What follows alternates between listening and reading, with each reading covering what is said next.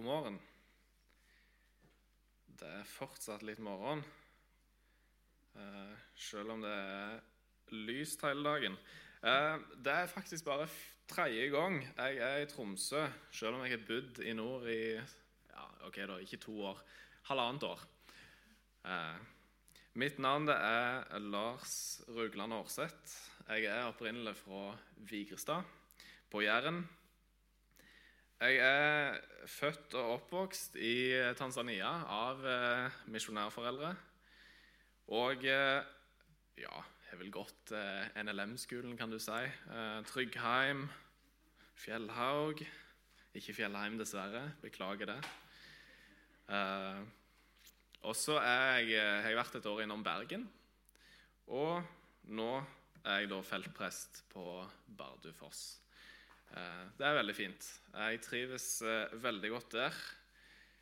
Samtidig så er jeg inne i min siste måned, så det var jo kjekt å få lov til å være en tur innom dere før jeg flytter sør. Jeg begynner på Tryggheim eh, fra høsten av som ungdomsleder, så det, det gleder jeg meg veldig til. Yes. Det er vel nok om meg. Da kjenner vi hverandre. Eh, nå, det er første gang jeg har vært i Tromsø og der er lys. Og det, det var veldig fint. Jeg var ute og spaserte i går, var innom sentrum, tok meg et stykke med ei kake og en kaffekopp og satt og kikka egentlig stort sett på de som var der. Veldig fint. Eh, Når du går rundt i gatene her eh, blant boligene, så får du veldig lyst til å si hei til alle som sitter på balkongene rundt om. For en sånn by får jeg litt følelsen at det er. Det er litt sånn intimt. Det er, litt, eh, det er fint eh, å gå, og spesielt når det er varmt. Eh, og du merker det på folk at de er, de er litt sånn happy. Koser seg ute. Yes. Vi skal lese det som er dagens, eller søndagens tekst. Den er nok ikke helt ukjent for eh, veldig mange. Den står i Matteus kapittel 28, vers 16 til og med 20. Og der står det Der har vi det. Men de elleve disiplene dro til Galilea, til fjellet der Jesus hadde sagt han ville møte dem. Og da de fikk se ham, falt de ned og tilba ham. Men noen tvilte. Da trådte Jesus fram og talte til dem. Jeg har fått all makt i himmelen og på jorden. Gå derfor og gjør alle folkeslag til disipler. Døp dem til Faderens og Sønnens og Den hellige ånds navn, og lær dem å holde alt det jeg har befalt dere. Og se, jeg er med dere alle dager inntil verdens ende. Jeg har lyst å starte med å be før jeg går videre. Herre og Far, takk for at eh, du har gitt dere ditt ord. Takk for at du ga oss Jesus. Takk for at eh, du levde, og du døde, og du står opp igjen eh, for vår skyld. Herre, jeg ber om at du må kunne tale til oss i dag. Eh, gi meg ro, og ber om at du kan gi oss lyttende øre til det du har å si. Amen. Ok. Misjonsbefalingen. En ikke ukjent tekst for veldig mange, tror jeg. Vi er tilbake etter Jesu oppstandelse. Han har vist seg for eh, kvinnene, først og fremst. Og Noen av evangeliene har også fortellingen om de to disiplene som springer til grava, kappløp omtrent for å, for å se den tomme grava. Eh, andre forteller om historien om eh, når Jesus viser seg. Thomas er der ikke første gang, eh, og så er han der gangen etter. Her blir vi putta til det som er punktum på mange måter for Matteus. Samtidig så er det en ganske åpen slutt. Og det kan vi vel si at vi ser virke av i dag. Slutten er ikke ennå. Punktum er ikke satt. Jesus sender disiplene sine ut, og Jesus sender oss fortsatt i dag ut.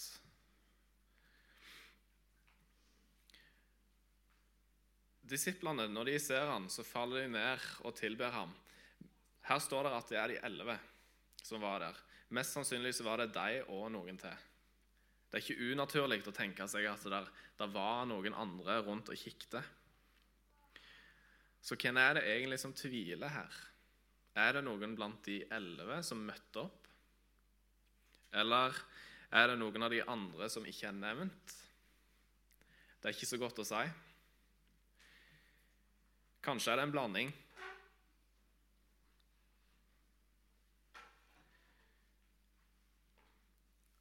Når vi ser eh, de tilsvarende tekstene i Markus, sånn som han forteller, eller Lukas, så møter Jesus disiplene, og så har han en slags liten irettesettelse, nesten, for at de ikke tror.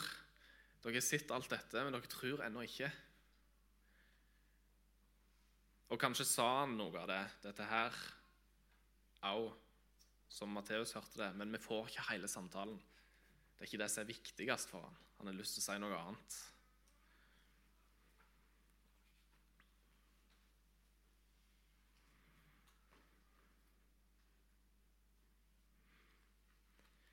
Men poenget til Matteus det er dette. I kraft av Jesu oppstandelse Nå, i denne teksten her, så viser han seg den som den han virkelig er, nemlig Gud i kjøtt og blod. Noen tvilte, men de falt ned og tilba ham. som Gud gjort til menneske. Noen har stilt spørsmålet er det virkelig Jesus som Gud. Kan det ikke tenkes at det ikke er snakk om tilbedelse, at det er snakk om altså, en form for underkastelse? Han er jo tross alt Herren. Han er tross alt sjefen deres. Mester, lærer. Men ikke Gud.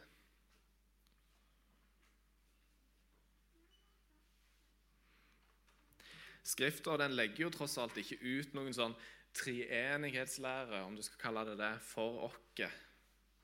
Den har kommet til fordi at folk har satt seg ned og lest, så han ligger der. Vi har én Gud og samtidig tre. Når Jesus står her framfor de disiplene, så er han Gud og samtidig menneske. Når vi ser kvinnene som møtte Jesus i hagen, eller i, i, ute her eh, Jo, det var vel i hagen. Litt før vår tekst. Der er en som understrekte det at eh, først kaster de seg ned foran føttene på han, tar tak i føttene hans, og så tilber de. Kan det da ha vært noe annet der enn tilbedelse av Jesus Kristus, Guds sønn og Gud sjøl? Jesus er Gud.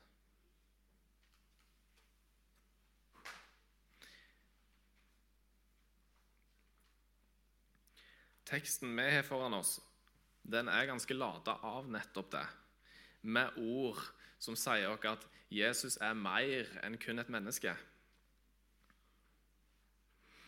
Vi har med en guddommelig Jesus å gjøre, den ene Gud i kjøtt og i blod. Og det er ganske viktig. Vi sier jo det om Jesus sann Gud og sant menneske. Og han sier det. Han har fått all makt i himmel og på jorda. Hvem andre enn Gud kan si det samme?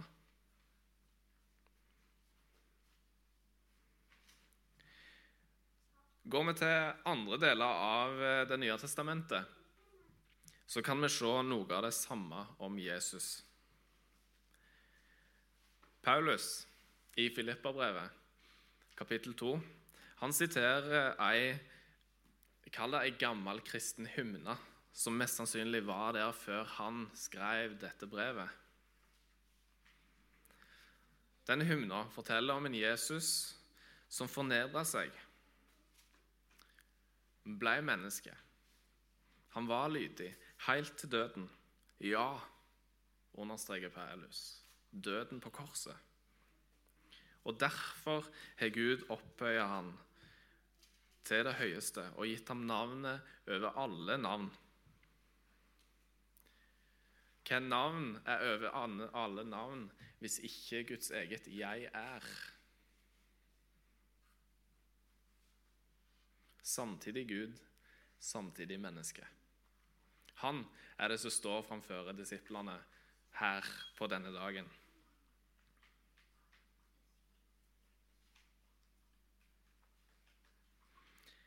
Videre sier også teksten i Filipperne kapittel 2, i vers 9-11, at i Jesu navn skal hvert kne bøye seg, i himmelen og på jorden og under jorden, og hver tunge skal bekjenne at Jesus Kristus er Herre, til Gud Faders ære.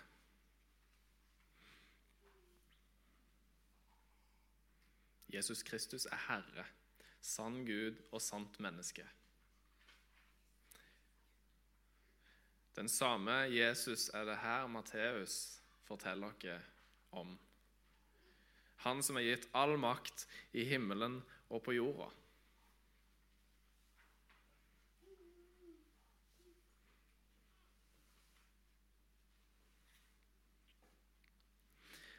Og så kommer det etterpå, da. Gå derfor. Gå. Hva er det å gå? Jo, de fleste av oss har sett det skje. Gjør det kanskje sjøl. Det er snakk om bevegelse, liv. Ofte går vi fra et sted til et annet. I prinsippet så er det å sette en fot foran den andre Og det er noe som veldig ofte kommer fra barndommen av for ganske mange av oss.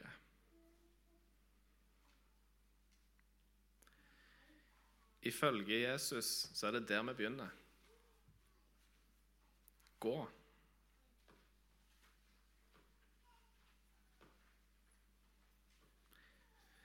I vår tradisjon, i våre miljø, så er dette noe som understrekes flere ganger. En ser det på generalforsamlinger, en ser det på arrangement som UL og lignende. Gå. Jesus sier 'gå'. Og Derfor så skal vi, på samme måte som disse første disiplene fikk det, så skal vi lytte til det, og så skal vi gå. Beveg oss.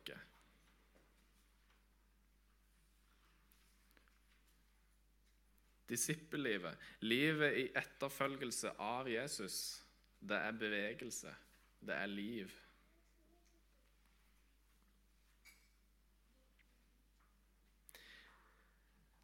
Samtidig så har jeg opp igjennom alltid tenkt at det gå var liksom den der befalinga. Det er der befalinga ligger. Gå, folkens. Eh, og så kom det til meg Eller jeg fikk lærte det her for noen år tilbake, og det, det ble en liten sånn personlig åpenbaring. At det er faktisk Det er ikke der hva skal jeg si, ordren ligger i teksten vår. Det er ikke 'gå'. Men befalingen vi har å gjøre med, er denne gjør disipler. Dette er oppdraget Jesus ga. Her ligger imperativen, om du vil, for å bruke litt norsk grammatikk. Oppfordringen, ordren.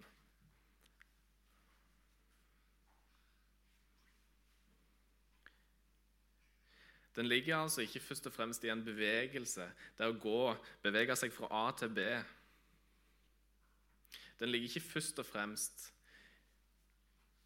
i utreise og utenlandsmisjon, om jeg skal være så frimodig å si det men den ligger i å gjøre disipler. Og så skjer det, da, i utreise, misjon i utlandet. Det skjer i det arbeidet som drives her til lands. Det skjer overalt. Og Derfor så gjelder det ikke kun de som har fått sitt kall til å reise ut, men det gjelder oss alle som er døpt, og som tror, og som hører til Kristi menighet. Så på hvilken måte kan vi gjøre disipler?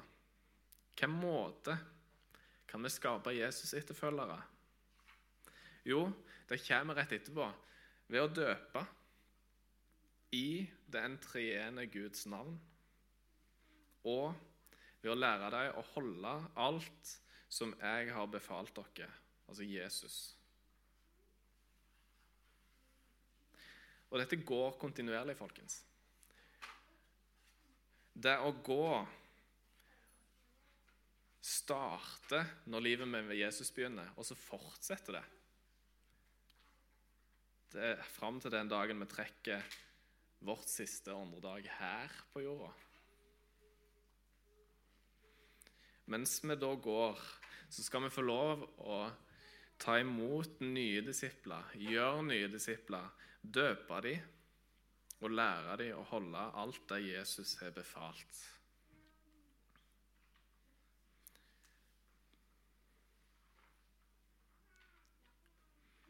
Hvordan ser vi det virke? Er du engasjert i livet med Jesus på en sånn måte at du er med i søndagsskolearbeid, f.eks.? Eller er du med i ungdomsklubb og arbeider, er med og driver det? Har du en tjeneste knytta til gudstjenestene her, eventuelt andre plasser, og til gjennomføringen av disse? Enten i form av forberedelser til gudstjenester eller som en del av selve gjennomføringen. Er du med på utstrakt arbeid, kanskje, blant de som faktisk ikke kjenner Jesus, rundt om i Tromsø eller i området rundt? Enten det er barn og unge, fattige, rusmisbrukere, kollegaer eller andre. Jobber du kanskje på bibelskole og omgår stort sett bare kristne ungdommer og voksne?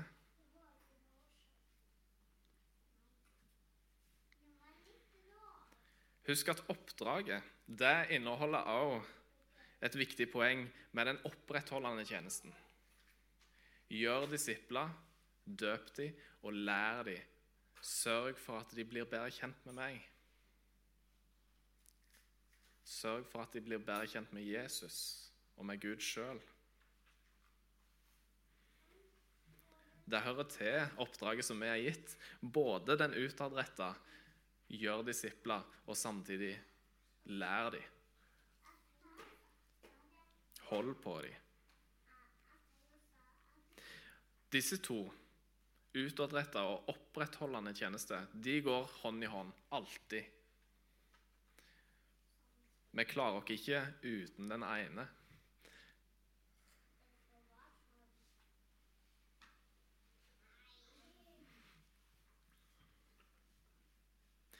Så har vi de som, som personlig ikke har fått et kall til å reise ut, krysse landegrenser, krysse kulturelle barrierer, men som har sitt virke, har sin plass hjemme i lokalsamfunnet, i menigheten hjemme. Og det er bra. Ikke alle skal reise. Det har dere kanskje hørt før.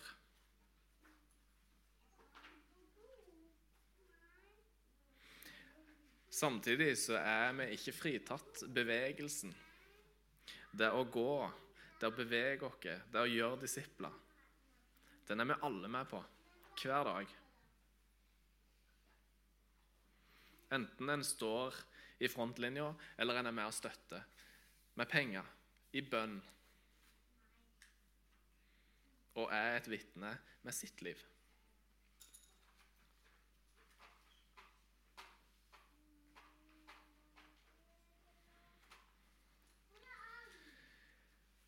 Da jeg eh, studerte på Fjellhaug, så, så, hadde jeg jo et uh, halvår med gresk. Jeg kan jo ikke si jeg ble veldig, veldig flink på det. Eh, og jeg har klart å holde på noe av det, men ikke alt. Eh, men en, en, ting av de, så, de, eh, Et av de poengene som eh, foreleserne likte å dra fram altså De var veldig glad i det som kalles for eh, partisipp, skjønte jeg. Eh, på engelsk så er det de verbene som skrives 'going', 'working'. Vi sier arbeide, men ikke 'arbeidende'. Altså en ting som skjer, som fortsetter å skje. Vi har ikke så mange ord. Vi kan si 'hoppende glad'. Vi kan si 'gående til jobb', kanskje. Men vi har litt av det. Det er det vi er med på. Det er ordet som er å gå. Gående i livet med Kristus. Det skjer hele veien. Vi går. Vi er i bevegelse.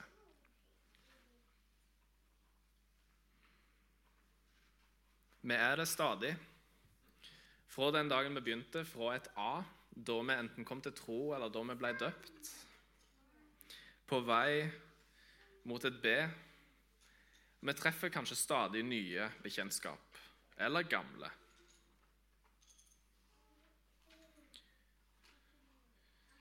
Og på den måten så er vi med, alle, på oppdraget.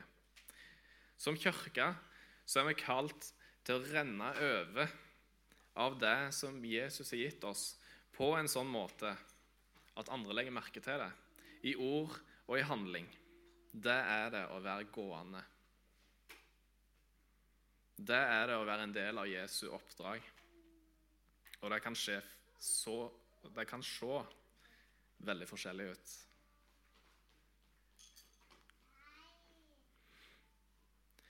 Et vesentlig poeng som driver dette vitnesbyrdet framover, vitnesbyrdet om Jesus, det er dette. Vi som tror, som har fått tatt del i frelsen, i Jesu Kristi nåde Vi har et lys som venter oss i enden av tunnelen. Når vi nå ber, så fins det lys. Mens de som ikke tror, de som er ut forbi, de har det ikke. Oppdraget som Jesus ga disiplene i denne teksten vi har i dag, er, det er livsviktig. En dag, og det er litt ubehagelig å si det i NLM, Norsk Luthersk Misjonssamband, men en dag så kommer det et punktum for misjonen. En dag er det ferdig. Jesus kommer igjen. Det har han sjøl sagt.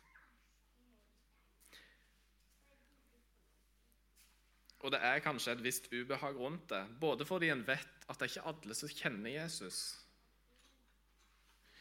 Og så rokker det kanskje med noe av identiteten min og vår som Norsk-Luthersk Misjonssamband. Hæ? Skal det ikke være misjon i himmelen? Nei, det skal faktisk ikke det.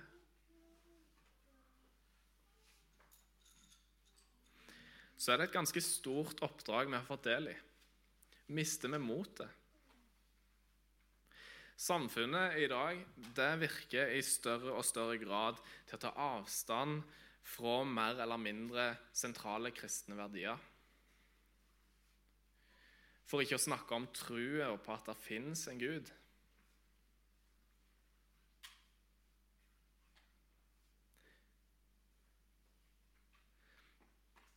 i møte med den type motløshet, at vi står overfor noe som er veldig mye større enn meg sjøl, så kan det hjelpe å minne meg sjøl på én ting. Jo, hva er det å gå? Det er jo som sagt en bevegelse som jeg ikke nødvendigvis gjør så mye for.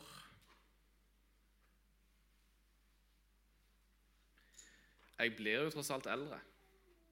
Kanskje litt visere. Uten å nødvendigvis jobbe beinhardt for det. Det er den retningen det går fra det øyeblikket vi er født, og fram til vi er ferdige her på denne jorda. En dag så er veken brent ut, og sånn er det. Mitt og ditt liv det er på vei mot et mål ganske av seg sjøl, i den forstand. Vi er på vei mot en korsfesta og oppstandende Jesus Kristus og hans løfte om evig frelse for hver enkelt som tror og som er døpt. Og i møte med dette oppdraget som virker så stort, så har faktisk Gud kalt meg, med mine mangler, med mine utilstrekkeligheter og med mine nederlag. Han fortsetter å kalle meg med mine mangler, med mine utilstrekkeligheter og når jeg går på nederlag.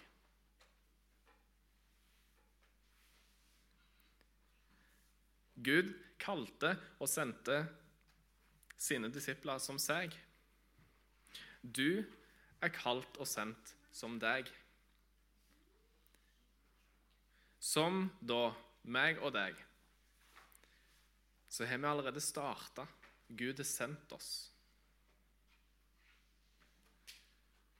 Og ved Hans nåde så får vi lov å komme sånn vi er de gangene vi går på å smelle, de gangene vi ikke makter å gjøre det han har befalt.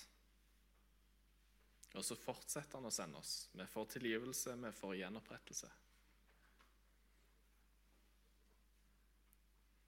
Vi er med. Gud har gjort det mulig. Er oppdraget da fortsatt for stort? Det er ikke sikkert det er så unaturlig å tenke det heller selv om det å gå går ganske av seg sjøl. Per definisjon så er oppdraget umulig. Det er det. Vi står overfor en umulig oppgave.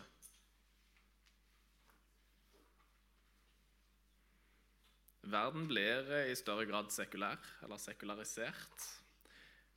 Folk blir kanskje mer åndelige, men hva åndelighet er det de vender seg inn imot? Det kan være alt mulig.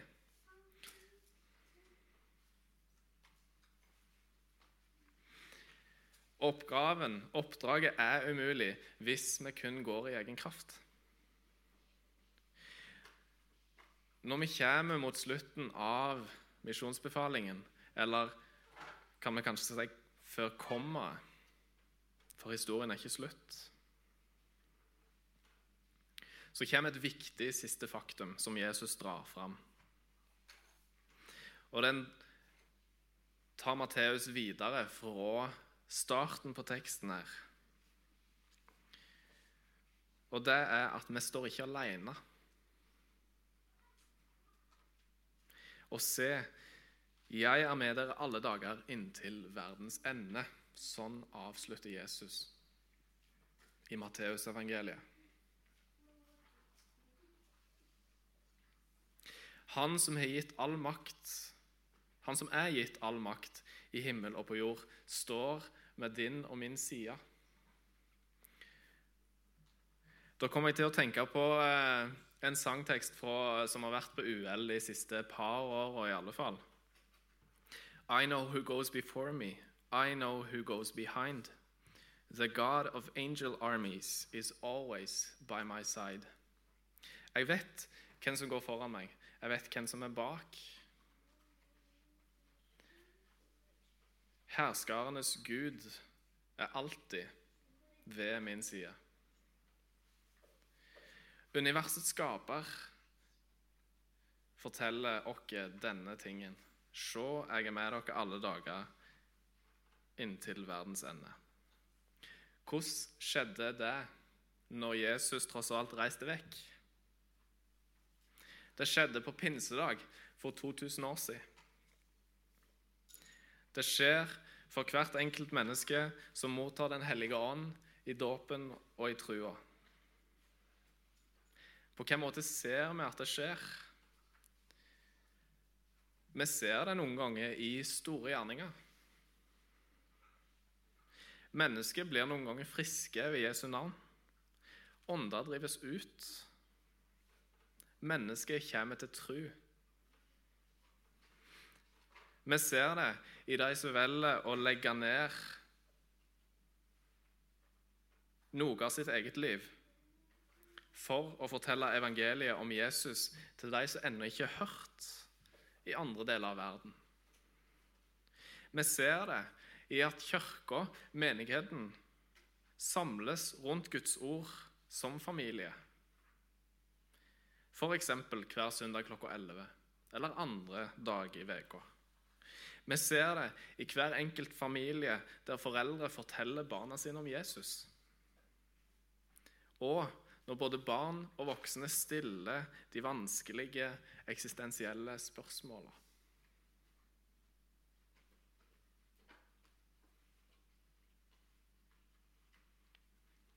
Den som til sjuende og sist driver oppdraget som vi er med på, han som driver det fram det er ikke deg og meg, men Gud sjøl. Det er Han som vekker åndelige døde til evig liv sammen med ham. Det er Han som utruster oss med sin kraft ved Den hellige ånd.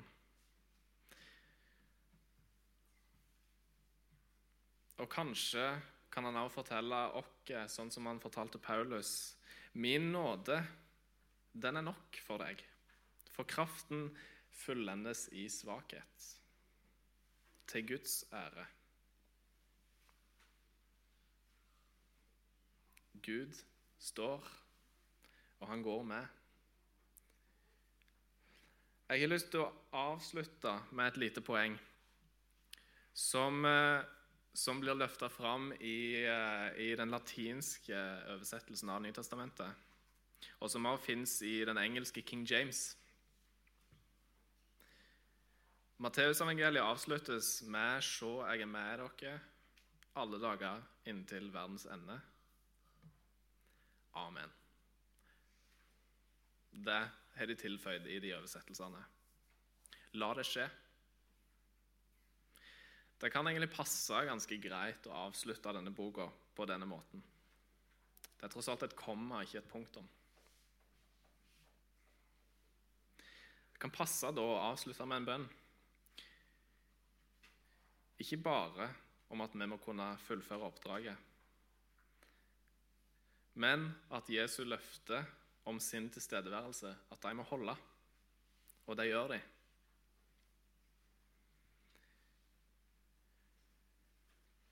En kommentar jeg leste, sa det sånn helt til slutt. So be it, O Lord. Be with us unto the end. Guide and strengthen us in life, and bring us safely through the valley of the shadow of death to thy blessed presence, where is the fullness of joy forevermore. La det skje, O Herre. Vær med oss til enden. Led og styrk oss i livet. Og bring oss trygt igjennom dødsskyggens dal til din Presence. Nå må jeg spørre ut her. Presence. Til, hva er det du til stede? Nær, ja, til ditt nærvær. Godt, takk. Til ditt nærvær. Fullkommen, til fullkommen glede i evighet. Amen. Ære være Faderen og Sønnen og Den hellige ånd, som var, er og være skal en sann Gud fra evighet og til evighet.